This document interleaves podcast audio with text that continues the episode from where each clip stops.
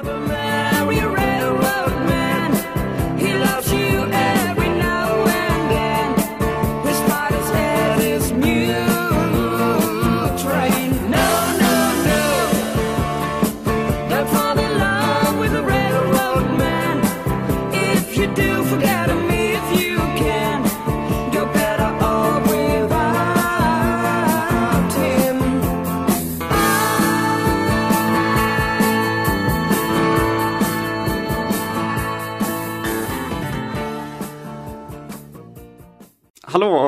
välkomna till avsnitt eh, 12 av Traffic Jam här på planka.fm. Idag med mig Alex Och mig Hampus. samt vår eh, gäst eh, Kalle som jobbar på SJ. Hej, Känner oss. jag som tar era biljetter.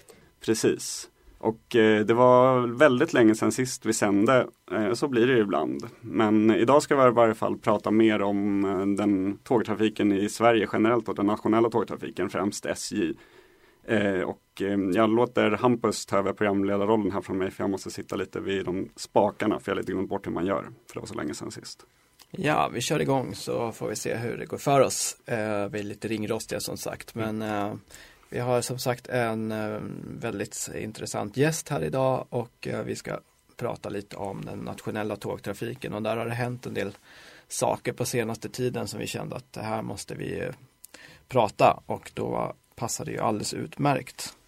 Ehm, och det handlar ju lite om hur situationen att jobba ombord på tågen är ehm, och vad som har hänt kring dels den här stora flyktingvågen som har kommit och ehm, hur det har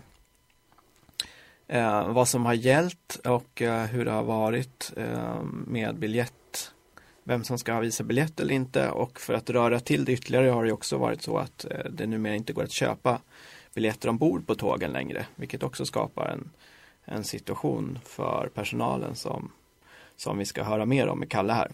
Ehm, men vi kan väl börja med Jag vet inte riktigt i vilken ordning. När, när slutade biljetterna att säljas ombord? Kanske inte alla som känner till.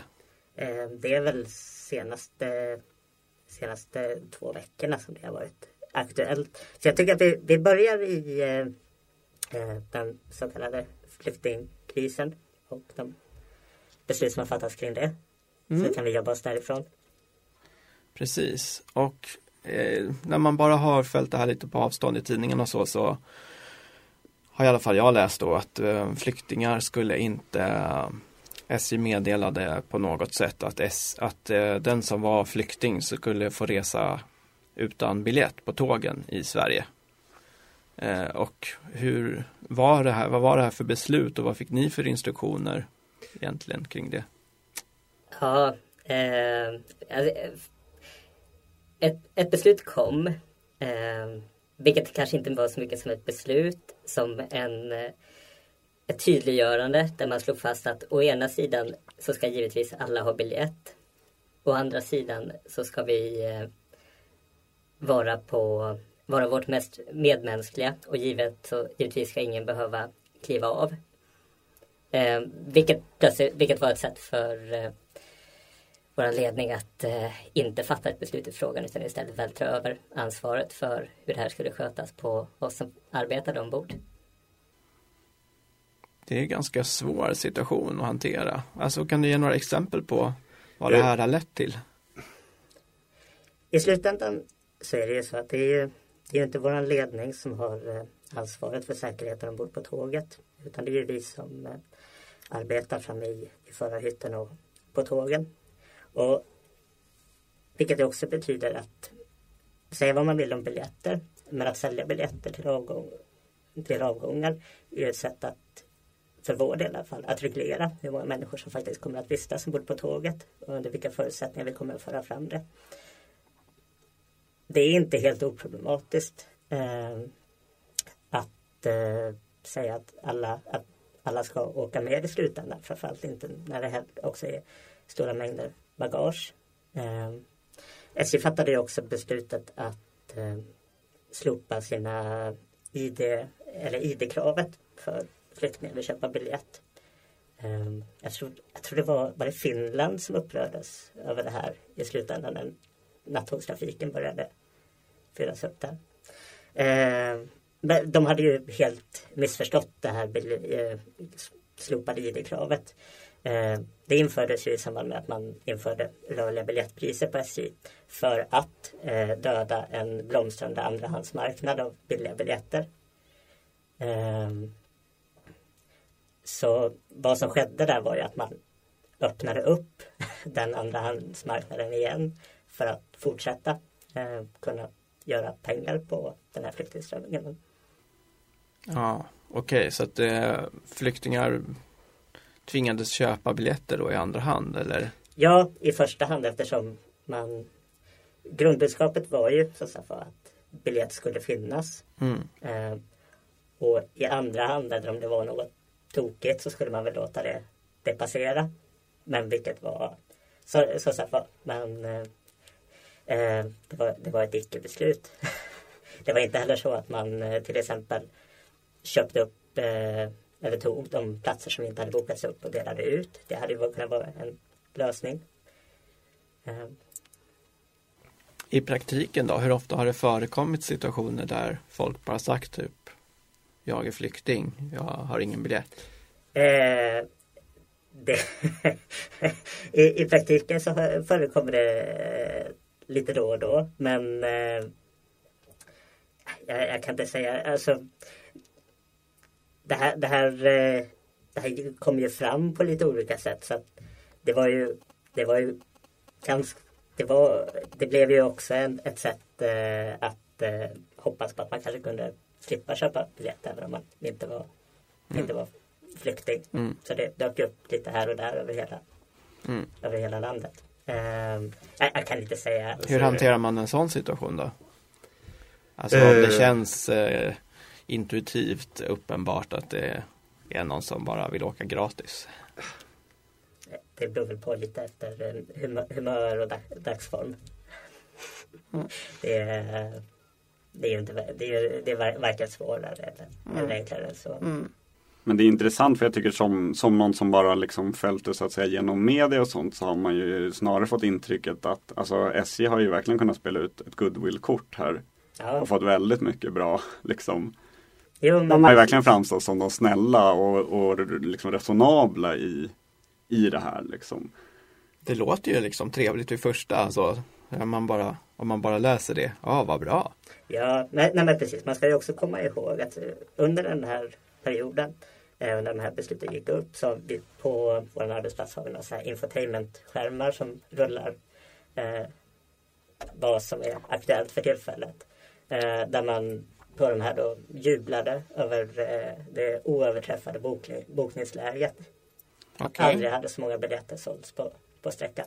Mhm. Eh, man kan också komma ihåg de eh, insamlingar till biljetter som eh, Ja, som förekom i bland annat Malmö och pengar gick väl ner från hela, hela landet för att bekosta eh, flyktingars tågbiljetter. Det var ju en väldigt tacksam källa. Mm. Det här med att man ska visa ID, det var ju bara så här Min personliga reflektion är att på senare tid har det ju inte varit så ofta som ombordpersonalen har kollat i I, i, I början där när det hade kommit fram att det var mycket andrahandsbiljetter som såldes så var det väldigt strikt och sen känns det som att det har runnit lite ut i sanden. Ja, eh, eh, det har ju skett en, eh, eh, en utveckling på SJ där i samband med nedbemanningar så har man ju i först har man ju bestämt att eh, intäktssäkringen eller biljettfixeringen inte är en prioriterad arbetsuppgift. Och det är många av oss som har börjat anpassa vårt arbete efter den inställningen. Men är det ett, ett, eh, en, jag säger beslut eh, som har drivits av personalen och fackliga eller har bolaget så att säga sagt det? Eh, Det har bolaget sagt. Eh, Men i i första hand så är är det ju ett sätt att kunna eh, hålla, behålla så många arbetsuppgifter som möjligt med så lite personal som möjligt. Så man säger, ja men ni ska försöka göra allt. Ja. Men om det blir jobbigt så eh, då slutar ni göra det här och sen det här och sen det här. Mm.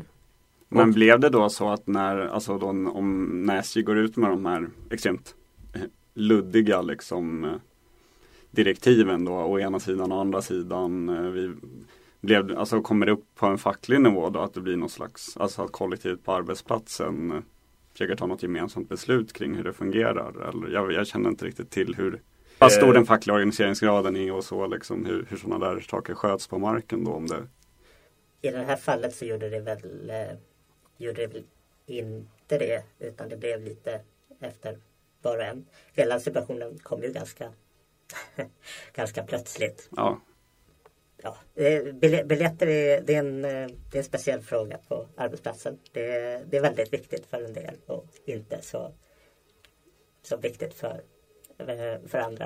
Eh. Men är det rent generellt så att, eh, att liksom konflikter med passagerare om biljetterna eh, ofta leder till liksom en bråk? Att det verkligen uppstår ett bråk ombord på tåget. Jag, jag tycker ändå jag har åkt ganska mycket tåg. Jag kan inte uppleva, alltså jag vet en gång där det varit så, några som inte hade biljett och som det blev bråk liksom. Jag skulle säga att om du är om du är ung kvinna så tenderar diskussionen om biljett att eskalera Ja, betydligt snabbare än, Mm. om det är, än, om det är jag som kommer in och tar konflikten. Det finns ju en problematik med, med hot, och, hot och våld ombord på tåget. Och när hot och våld uppstår så är det ju ofta i samband med, i samband med biljettfixering och vid felaktiga, med felaktiga biljetter.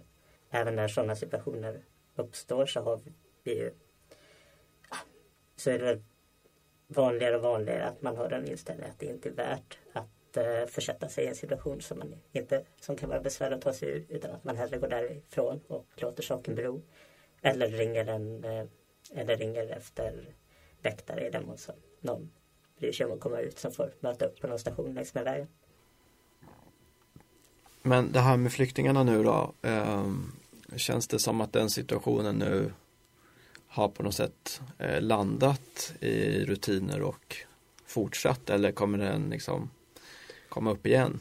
I den mån som det plötsligt blev eh, betydligt svårare att ta sig genom Europa eh, på grund av en serie eh, fruktansvärda politiska beslut eh, så försvinner ju lite problemet för tillfället. Eh, det finns inga speciella direktiv ute för tillfället. Eh, men eh, den genomgående inställ, eh, inställningen är väl att eh, eh, om, om det uppkommer en situation eh, där det blir dålig publicitet så är det den enskilda tågvärden som inte har skött sitt jobb. Och nu är det ju också så att eh, ytterligare en, en sak som kan skapa konflikt fast det kanske är av lite annan typ av personer då det är ju det här med att man inte kan köpa biljett ombord längre alls om jag har förstått rätt. Och att eh, är det, det är också en del i alltså att kunna ha mindre personal då antar jag. Ja. Eh, och de eh, kringkostnader som uppstår vid biljettförsäljning för att ha ja, men, eh, skrivare, handdatorer och Men jag antar tidigare, det, det kan ju inte ha varit jättemånga som har utnyttjat den här möjligheten för det tillkommer ändå en relativt hög avgift. Det, det varierar ju väldigt mycket från, eh, från sträcka till, eh, till sträcka. Eh, I, I regionaltrafiken i, mellan Stockholm och Uppsala till exempel så är det en av de sträckor där vi säljer, säljer mest biljetter. Okej, Men då är det inte, för det är inte på det jag tänker på är ju, då åker man ju mest X- X2000 då för att jag åker typ till Malmö eller till Göteborg. Men där är det väl ändå en ganska hög avgift för att köpa den på. Det tillkom eh, alla 100 kronor på, oavsett vilken sträcka man reste. Eh, och så köper man ju biljetter till baspriset, vilket ju är det, det högsta. just det. Mm. Och typ Uppsala, Stockholm, då tänker jag att det är att man eh, har så bråttom till tåget att man håller på att missa det och därför tycker det är värt att kasta sig ombord och så får man ta den extra hundringen. I många, I många situationer så blir det ju också ett sätt att, eh, att göra en markering utan att behöva, eh, behöva gå hårt fram. För att om alternativet, till exempel om vi pratar om Stockholm och Uppsala. Om, all, om någon inte har, eh, har stämplat sitt, eh, eh sitt tio reserskort som man måste göra innan man kliver på tåget. Så då har man antingen alternativet, eller hade man alternativet att eh, skriva ut en kontrollavgift på, på 1200 eller att låta någon köpa en ny biljett för 185 kronor.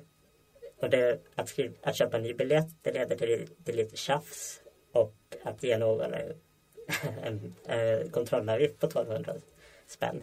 Det blir, eh, det blir snabbt en, en dålig situation.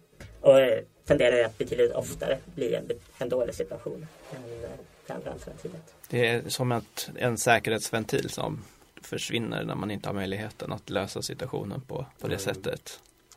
Hur liksom, alltså jag tänker, alltså jag förstår ju hur då man från SJs håll resonerar att man ska skära ner på arbetsuppgifterna för att kunna ha lägre bemanning på tågen. Men samtidigt tänker man att en, det finns en del arbetsuppgifter som kanske också, alltså inte bara är bra för, för att det underlättar för personalen men också kanske för företaget på sikt att det att det ger folk en positiv bild av att kunna åka tåg, att man faktiskt kan gå på och köpa en biljett. Jag vet, inte, är det verkligen Det är ju möjligt. Alltså som, för tillfället så, så kan man ju fortfarande köpa en, en biljett efter att ha klivit på tåget givet att du har en, en smartphone. Mm, just det.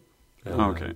Så det, det är ju ja, det, är- det är den lösning man har infört tills vidare. Eh, och kontanthanteringen har ju minskat. Eh, det kommer man, kommer man ju inte runt. Och på ett sätt så är det väl, är det väl bra att även inte vi heller eh, bär runt på, på kontanter. Eh, däremot att helt eh, slopa biljettförsäljningen, det, ja, det blir ju pro- problematiskt. Eh, som sagt just eftersom det det tar bort eh, det spelrum man hade i konflikter som uppstår. Och att man kan köpa biljetter efter att man kliver på nu det är ju en, det är ju en tillfälligt under en övergångsperiod som kommer att vara okänt hur, hur länge.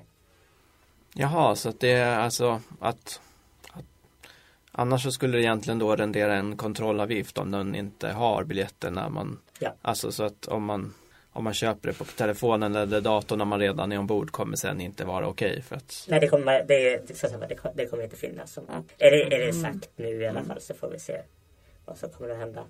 Allt eftersom beroende på hur, hur det här faller ut. Jag tänker att för tillfället så är det hela lite laboratorium. Den eh, lösningen blir ju ganska attraktiv för den där som kommer springande eh, till exempel då Uppsala, Stockholm och eh, om folk väl börjat etablera ett sådant beteende och tycker att det är ganska praktiskt att jag kan komma två minuter senare så jag slipper stå vid en automat och sen när jag har satt mig ner så köper jag biljetten på min telefon och så om folk börjar göra det mer systematiskt så kan det bli rätt svårt att få bort det sen. Men det det här ehm, ledde till då för ett par veckor sedan, eller när var det man då formellt tog bort den här möjligheten, även om den då fortfarande finns kvar lite grann. Det var en månad sedan lite drygt eller någonting, var i, eh, i mitten av december. mitten av december. Och det det ledde till då var, som jag förstått det, alltså att att man då från eh, de tågvärdarna som ska visera biljetterna eller från fackligt håll där gick ut med att då kommer man heller inte kunna visera biljetter. Om man inte får sälja biljetter så kan man heller inte visera dem. Det har passerat mig obemärkt i så fall. Jag fick mig att jag, jag hörde någonting om det från SJ, just att det blev så att man slutade kolla biljetter. Man kan väl säga att eh, den motivation man har vad gäller biljettvisering den eh, försvinner ganska, ganska snabbt när man riskerar att springa in i större konflikter. Framförallt också med den prioriteringsordning för arbetsuppgifter som finns. Ja.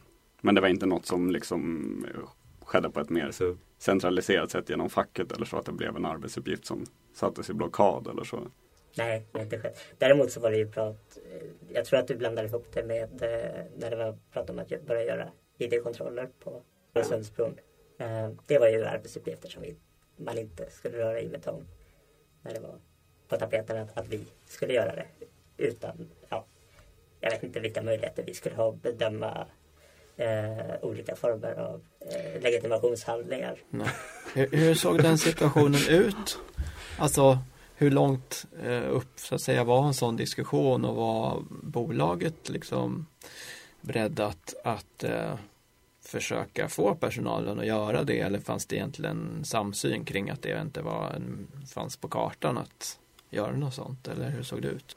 Jag, eh, jag vet faktiskt inte hur, eh, hur det eh, finns jag vet inte om det finns någon anledning att, eh, att spekulera direkt. Eh, man, man kan ju bara konstatera att nu när det, sånt, när det lagförslaget har blivit verklighet och kommer införas så stänger SJ trafiken över bron.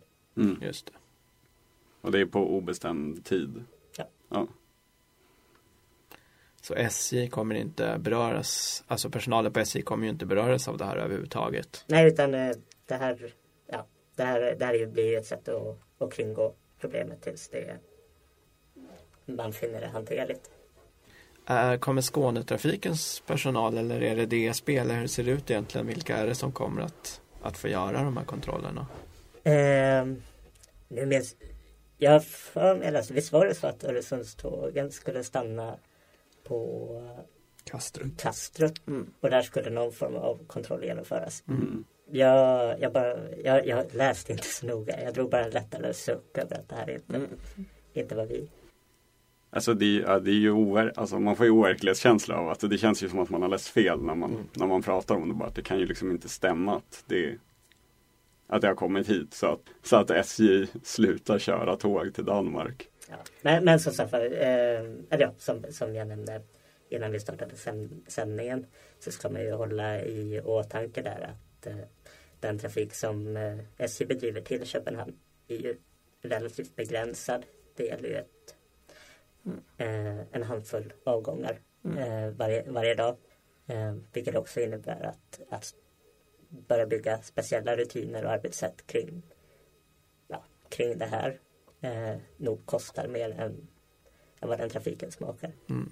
Samtidigt, jag, när jag var på väg hit så insåg jag ändå Det slog mig på något sätt ändå Det tydliga så här som Hur historiskt det ändå är och även om det är liksom en symbolisk mängd så är det ändå så att det kommer inte att gå några tåg mellan Stockholm och Köpenhamn och det kommer ju inte heller gå någon direkttrafik mellan ens Malmö och Köpenhamn. Alltså den, det, det är där vi är liksom. Det, det är svårt att ta in upplever jag. Eh, och framförallt kanske det är det man börjar förstå nu är ju att det är hur Öresundsregionen som ju är en relativt integrerad region liksom faller isär på ett sätt som får, för ändå tankarna till Berlinmuren på något sätt. Ja, det är ju väldigt det skulle ju vara, alltså man undrar ju hur mycket som beror på att det är beslut som tas i Stockholm. Ja, Med det, alltså en oförståelse för, för Öresundsregionen som region. Liksom. det är ju ändå faktiskt så att den diskussionen på allvar är uppe på väldigt många nivåer. Som jag har förstått det. Och att det är ju inte så att, alltså, det bubblar väl upp kan man tänka sig ganska mycket den konflikten också. Oavsett parti eller organisation eller företag eller vad det än är så känner man att det här är helt orimliga beslut som tas i Stockholm. Ska vi bara eh, avsluta lite med, vi reflekterade lite kring också det här med SJs uppdrag eh, på det väldigt stora perspektivet då. Eh, och som ett eh, helstatligt ägt företag eh, som ju verkar idag på en väldigt avreglerad marknad i Sverige. Eh, där andra kan, kan komma in och konkurrera på alla sträckor är det väl idag. Finns väl inga sträckor som är Nej, Nej utan eh, all, all trafik är ju, är ju möjligt att köpa sig i. Ja. Och det gäller ju även då på ett visst annat sätt men även i princip all lokaltrafik. Även om där så är det inte, ofta inte möjligt för flera aktörer att vara inne samtidigt. Till exempel de med pendeltågsupphandlingen som har skett nu ganska nyligen där MTR då som också kör en del regionaltrafik, till exempel Stockholm-Göteborg har vunnit och där SJ då också var med och la ett bud på pendeltågen.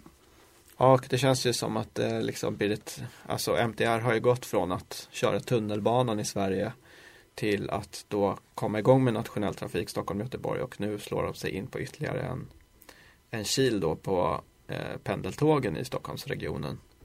Eh, och eh, vad det verkar säga, eh, som nu också under ganska tveksamma former eh, kring upphandlingen där ju eh, det har kommit protokoll från de förhandlingarna. För när man förhandlar om, om järnvägstrafik så har man ju möjlighet att eh, eller när man handlar upp järnvägstrafik så har man möjlighet att förhandla med parterna under förhandlingens gång. Och eh, då har man ju bett MTR att sänka sitt bud eh, från utgångsbuden där SJs eh, dotterbolag eh, Stockholmståg då låg lägre. Och eh, Därmed. SJ, SJ fick ju då instruktioner om att i princip höja sitt bud. Ja, där hade man synpunkter på att de inte intäkt, skulle intäktssäkra enligt den här artikeln i Dagens Nyheter ska vi säga. Men eh, får väl se då. Eh, men att man tyckte att man behövde ha mer eh, personal på vissa stationer för att klara intäktssäkringen. vilket inte var ett krav man ställde på MTR och det i slutändan blir då MTR som har vunnit och nu har ju då SJ eh, också överklagat den eller ge, genom sitt dotterbolag då. Eh, och Och den här har ju på, den här liksom konstiga relationen till MTR har ju pågått längre än bara just nu. Det var ju även här kleptomanen som var vd för SL tidigare. Eh, Anders Lindström. Det, ja, där han, då han blev gripen i Hongkong var ju för att han var på ett möte med MTR som skedde ja, det- under bordet så att säga det mötet. Det var ju egentligen inte meningen att, det, sk- att någon visste om att det där mötet skedde. Vi vet ju inte idag eh, om det mötet berörde eh, och det vore ju extremt allvarligt om det var så att, eh, att det på något sätt berörde pendeltågsupphandlingen eftersom eh, anbud var lämnade och eh, så att säga utvärderingen av dem pågick. Eh, om det visar sig då har han större problem än att han har eh, snott den där plånboken. Eh, men samtidigt så eh, har ju de sagt att de bara var där och pratade om tunnelbanan eftersom de ju är eh, MTR är eh, Men bara där tycker jag att det, det påvisar ju på något sätt också problemen med att ha de här typerna av upphandlingar. Att då när man väl har kommit in på ett ställe så får man ju automatiskt en gräddfil genom att få tillgång till Precis. hela organisationen på ett helt blir- annat sätt. Och det, det är kommer klart att det spiller över. Det är såklart, den här resan kommer ju att eh, komma upp till diskussion igen säkerligen eftersom nu processen går vidare. Eh, vi kan väl bara liksom fundera kring det här att, att vi har ett eh, nationellt ägt, statligt ägt bolag som ska klara att konkurrera med många andra stater som ju gärna vill in på vår marknad. Jag tror att om jag inte minns fel så var alla anbuden i pendeltågsupphandlingen på ett eller annat sätt eh, statligt stater som stod bakom Ja, nationella tågbolag. Kina, Holland, Frankrike och Norge Ja. som var inblandade. Eh, och att samtidigt så ska ju då SJ leverera en vinst också till sin ägare staten som ju eh, nyligen har Nyligen har man delat ut ett antal miljarder, jag kommer inte ihåg hur många det var. Eh, hur ser du, eh, Kalle, på den här utvecklingen? Eh, kommer SJ finnas kvar under de här omständigheterna som på det här sättet eller kommer den här konkurrensen att fortsätta ta Eh, andelar? Ja, det, ja. Om SJ kommer att finnas kvar inte, det, det kan jag inte svara på. Eh, det, är lite för, det blir lite för spekulativt. Däremot så kan man ju bara konstatera att det är ju, det är ju en eh, smått absurd avreglerad marknad där eh, eh ett tågbolag med höga, höga vinst höga krav på avkastning ska konkurrera med ett antal eh, statsägda dotterbolag till statsägda monopol. Eh, där bakom de olika bolagsnamnen så gömmer sig framförallt eh, NSB, DSB, eh, MTR som ju är eh, kinesiskt. Och eh, jag antar att ett, sånt område som man konkurrerar, alltså de medel man har att konkurrera med han är väl inte så svårt att gissa att det ofta är eh, åtgärder som går ut över personalen på olika sätt.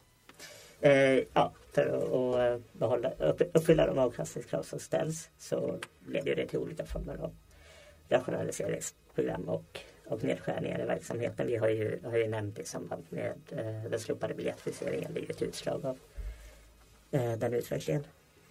Men alltså om man tänker på det måste väl ändå finnas gränser för hur lite personal som kan vara ombord på ett tåg och när de ändå är där så måste man väl så måste man väl göra sina arbetsuppgifter eller kan man nå längre?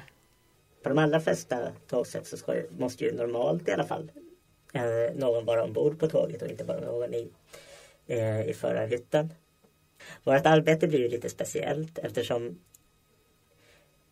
i första hand så, eh, åtminstone vi som har en eh, säkerhetsfunktion på tåget. Vi befinner oss ju ombord på tåget och får, får vår lön för att vi är på tåget och därför kan tåget rulla eh, överhuvudtaget. Sen när vi ändå är på tåget så kan man ju utföra en mängd arbetsuppgifter eller ha ett gäng eh, servicekoncept som ska eh, locka, locka kunder eller locka resenärer.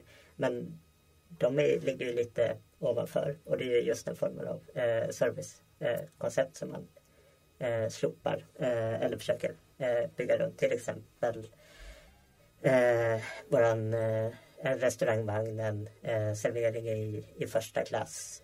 Eller, eller en sån enkel sak som att eh, tågvärden tar alla biljetter och håller koll på vilka anslutningar som finns i händelse av försening. Men jag tänker hur det är om vi tänker att det är Ja, det, det kan komma in företag som då i, i varje fall till allra största del ägs av andra stater in på den svenska marknaden och då egentligen mer eller mindre kan man tänka sig kan ju de lägga en viss typ av skambud för att komma in på marknaden i och med att de sitter på monopol på hemmaplan så att säga där de kan dra upp dra ut pengar ur den delen av verksamheten. Ja, man kan också, man kan, man kan också reflektera över vart eh, eh de summor som försvinner i, i en upphandling, vart de då tar vägen och vad de finansierar på vilken järnvägstrafik de finansierar på andra platser. Precis, men skulle man kunna tänka sig motsvarande att SJ skulle söka sig mer och mer utomlands istället? till, vilken, till vilken marknad? Det finns ju bara en avreglerad marknad i Europa eh, där det är möjligt att trafikera på det här sättet. Ja. Eh, Sverige är ju hela Europas eh, laboratorium när det kommer till den här frågan. Jag tror det är nog inte lika känt. Alltså, det har ju varit mycket debatt kring att skolan är så extremt avreglerad i Sverige. Men jag tror att färre ändå känner till hur extrem situationen är även på, på järnvägstrafiken. Eh, men det, eh, det som är skillnaden då, för jag tänker det måste, det finns väl till exempel i England vet jag att de har ju det är på något sätt avreglerat men är det mer ett anbudsförfarande där att någon tar över all trafik på en viss sträcka och det som vi har i Sverige är skillnaden i att vem som helst kan få köra var som helst. Ja men precis, alltså man, vad, man, vad man köper in sig i, köper är ju, man ska säga, är ju avgångstider. Eh, inte inte sträck, eh, trafiken på en sträcka eller något, något liknande. Eller det, det finns ju vissa eh, olika till exempel eh, Tågkompaniet som bedriver trafiken eh, kring eh, Falun, Gävle, eh, och Borlänge och runt omkring. Eh, de, där är ju paket någon form av paket. Men vad gäller den, den reguljära trafiken så är det ju, så det är avgångstider man konkurrerar, man konkurrerar om att köpa och där man då ska få bedriva sin trafik. Vilket ju också är, är problematiskt eftersom ja, det, blir, det får ju negativa konsekvenser för resenären. I den mån som man inte kan an, använda sin biljett på alla tåg på sträckan utan man måste vänta in rätt, eh, rätt bolag. Eh, jag tänker att det var väl de som reste med MTR första tiden innan de fick ordning på sin, någorlunda ordning på sin trafik upptäckte väl, gjorde väl den lärdomen ganska snabbt. Ja, nu är det ju ofta så att det första utropet som man hör när man kliver på ett tåg är ju vilka biljetter som inte gäller på det tåget. Sen liksom blir mer och mer komplicerad. Ja, och man ska ju också ha med sig att den som reser är ju fullkomligt ointresserad kring med vilket tågbolag den reser med. Det vill ju bara ta sig från en plats till en annan. Sen vi som tar biljetter får då ha, berätta om, om svensk järnvägspolitik och avregleringskonsekvenser. Landa i att någon ska, eller skulle, eller som det var tidigare i alla fall, att någon ska köpa en ny biljett eller kliva av tåget. Ni får se det som en, någon, någon slags uppfostran i att, att lära sig att vara en god konsument på den här marknaden som vi har nu. Och det är väl ändå bra att ni med statligt anställda uppfostrar medborgarna. Och när man kommer till perrongen så ska man springa runt till tre, fyra olika automater och veta vilken, vilken man ska använda. Ja, är, är det någonting som SJ måste göra? Sälja biljetter till sina konkurrenter eller är det ett val man har gjort? Vet du det? Jag vill minnas att det är obligatoriskt och att det har funnits en del eh, diskussioner kring det. Alltså att det har gnällts också om att man inte har Men man, man släppte ju inte in eh, MTR i, på sj.se. Eh, vilket ju eh, Och har man Det- stått kvar vid det? Eh, de finns fortfarande inte där. eller? jag reser sällan med tåg förutom när jag, när jag jobbar. Men eh, eh, som, som jag minns så, så slog Konkurrensverket fast att det var att MTR inte kunde krävas. Eh, däremot så har, bedriver man ju någon slags resebyråfunktion. Men eh, det blir ju också ett sätt att eh, knyta eh, den egna tågtrafiken till eh, andra eh, Eh, trafikbolag som ingår i till exempel Resplus-samarbetet så att man kan binda, ha, så man kan ha en anslutning vidare med re, annan regionaltrafik eller lokaltrafik som drivs av annat tågbolag. Eller bussbolag eller vad som. Mm, för jag, det jag tänkte på var jag minns att det här var Vi firar ju även typ tvåårsjubileum ungefär nu av den nya kollektivtrafiklagen som är åtminstone liksom i idén var ju igen att det skulle skapas ett system likt det vi har för den nationella tågtrafiken även för all lokaltrafik i Sverige. Det vill säga att vem som helst skulle kunna gå in och säga att nu ska jag köra en buss här. Mm. Utan, utan någon form av anbudsförfarande eller upphandling. Det var väl det stora målet så att säga. Eh, och där, där var det ju en hel del sura miner kring det. Okej, men innebär det att eh, får de då använda busstationer gratis? Får de komma in på samma liksom, eh, betalsystem gratis? Och ja, vad säger du Hampus, vad, vad har liksom hänt där egentligen? Det, är Nu, som, två år senare. det har ju inte hänt så mycket. Eh, så att för de som ville ha den här lagen har den ju blivit en besvikelse. Eh, utifrån att det är, är väldigt svårt för att konkurrera helt privat gentemot eh, de regionala kollektivtrafikmyndigheterna. Men det pågår väl en hel del lobbying för att eh, försöka liksom ja, få de här tillträdena till olika eh, nyttigheter som, som stationer och hallar och sånt. Eh, och Nej, finns det ens någon privat det har, kollektivtrafik det har i ju Stockholm? funnits ett par stycken. Den som finns eh, Det fanns ju en mellan Nacka och Kista. Men den gick, visade, en buss då som gick direkt mellan Nacka och Kista. Det kostar ganska saftigt eh, att ha någon form av biljett på den. Jag kommer inte ihåg riktigt hur mycket det var. Men det var ju betydligt dyrare än ett SL-kort i alla fall. Eh, sen finns det ju sådana som går över en länsgräns. Men det är lite annan situation. Men eh, ja, det fanns ju de här eh, bussarna som gick till, ut till Djurgården också. Man stod vid Cityterminalen och försökte fiska turister innan de typ kom ut och såg att det fanns bussar och spårvagn. Så stod man och liksom till Djurgården. Eh, det berodde ju på att det var ett bussbolag som hade ett överskott av bussar så då tänkte de att då kan vi prova att köra då en, en privat kollektivtrafik in i innerstan. Så.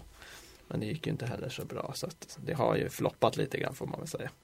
Men det, det måste ju bero mycket på att SL får så pass mycket skattemedel. Alltså att deras trafik är så subventionerad så Ja. att den är svår, svår Jo, att det är ju konkurrera grund, med. grundproblemet. Eh, man tänker sig väl då att man skulle hitta någon resrelation som inte kan täckas upp riktigt. Men det verkar väldigt svårt att nå den där ekvationen. Särskilt med de kraven på avkastning som ett sådant bolag vill ha. Så blir det svårt. Däremot har vi inte sett det sista ordet ännu kanske i sjötrafiken. För där är det ju det var ett tillägg till lagen. För man hann inte göra klart lagen kring vad som skulle gälla på sjön. Och där är ju saker ännu mer komplicerade vad det gäller, gäller eh, det. Och eh, där är det ju bland annat överklagat nu den upphandlingen som, eller det är ett trafikpliktsbeslutet som det heter. Ehm, eh, där man har bestämt att i Stockholms skärgård så ska, så ska ehm, landstinget köra kollektivtrafik. Det beslutet har ju ett privat bolag överklagat för att de menar på att det går alldeles, alltså det finns inget behov av det utan det skulle man kunna göra det helt kommersiellt. Så det blir ju en väldigt intressant väg, troligtvis vägledande dom i den så småningom. De som, eh, de som omedelbart märkte av eh, att eh, Stockholms stad förlorade upphandlingen och att MTL eh, åtminstone som det ser ut nu vann upphandlingen. Det var ju eh, våra kamrater städarna ute på Älvsjö depån eh, som omedelbart varslades om uppsägning på grund av arbetsbrist i samband med att kontraktet på Stockholms tåg löpte ut. Just det, för Stockholms tåg alltså, det är de som har kört pendeltågtrafik förra upphandlingsperioden. och eh, som då anlitat eh, tjänsterna av eh, ESS Trafficare. Eh, I och med att eh, då det här Stockholmstågs kontrakt tog slut så såg jag också ESS sitt eget kontrakt ta slut. Eh, men då istället för att eh, göra det att låta det löpa över som en eh, verksamhetsövergång eh, som man kan anta skulle vara det normala förfarandet så eh, sa man nu upp all personal eh, med hänvisning till arbetsbrist. Och våra kamrater på, på ISS Trafficare eh, vet ju sedan SJ eh, avslutade kontraktet med ISS Traffic Care och eh, tog över städningen i egen regi att man inte kan lita till sin fackförening, till att fackföreningen ska sköta det här på egen hand. Eller att man ska få ett eh, beslut i AD som där, där rätten till övertagande verksamhet hävdas. Eh, utan föregrep nu hela den situationen genom att spontant gå ut i, i strejk. Jag tror det är viktigt när vi pratar om sådana här övergång, över, över, övertagande verksamhet att eh, poängtera att eh, de som omedelbart drabbas blir ju personalen och att också deras rätt till fortsatt anställning vid övertagande verksamhet är under hård attack från arbetsgivaren. Tidigare har det i varje fall funnits någon slags reglering kring det där att det faktiskt ska vara så att man ska ta över. Men är det borta eller är det bara det att man försöker fula sig? fula sig runt det. Också i samband med att eh, SJ tog över städningen i egen regi från Trafikär mm. ju AD fast med hänvisning till eh, eh, domar i eh, EU-rätten eh, att eh, det inte var ett övertagande av verksamhet eftersom man inte tog över den merparten av, om man ska spetsa till i alla fall. Efter, det var inte ett övertagande verksamhet eftersom man inte tog över de flesta personal utan sa upp de allra flesta. Ja, det blir ja, så det är bara en fantastisk en, logik. Mm, eller hur? Eh, därmed eh, att man slog fast den gången ja, det, att det inte var fråga om en eh, övertagande verksamhet så lyftes aldrig frågan heller om det var en eh, om det var eh, om det var möjligt att säga upp på grund av arbetsbrist vid den här formen av verksamhetsövergångar. Eh, vilket då kanske blir aktuellt den här gången. Och den här frågan kommer ju i varje, varje upphandling i kollektivtrafiken tillbaks och kan nog bli en ganska stor konfliktfråga inom politiken så småningom också. För att förr eller senare måste man ju lösa det här. Ja, det är bara konstatera att eh, kamraterna på ISS eh, visar vägen. Ingen lösning kommer att komma om vi inte tar eget ansvar för våra, våra arbeten och vår försörjning. Eh, ställer, blir det inga problem så kommer det, ingen heller vara intresserad av att lösa problemet. Helt sant. Det var ett bra sätt att avsluta med låten eh, A-cab som är gjord av vårt band och Mall of Scandinavia-kören.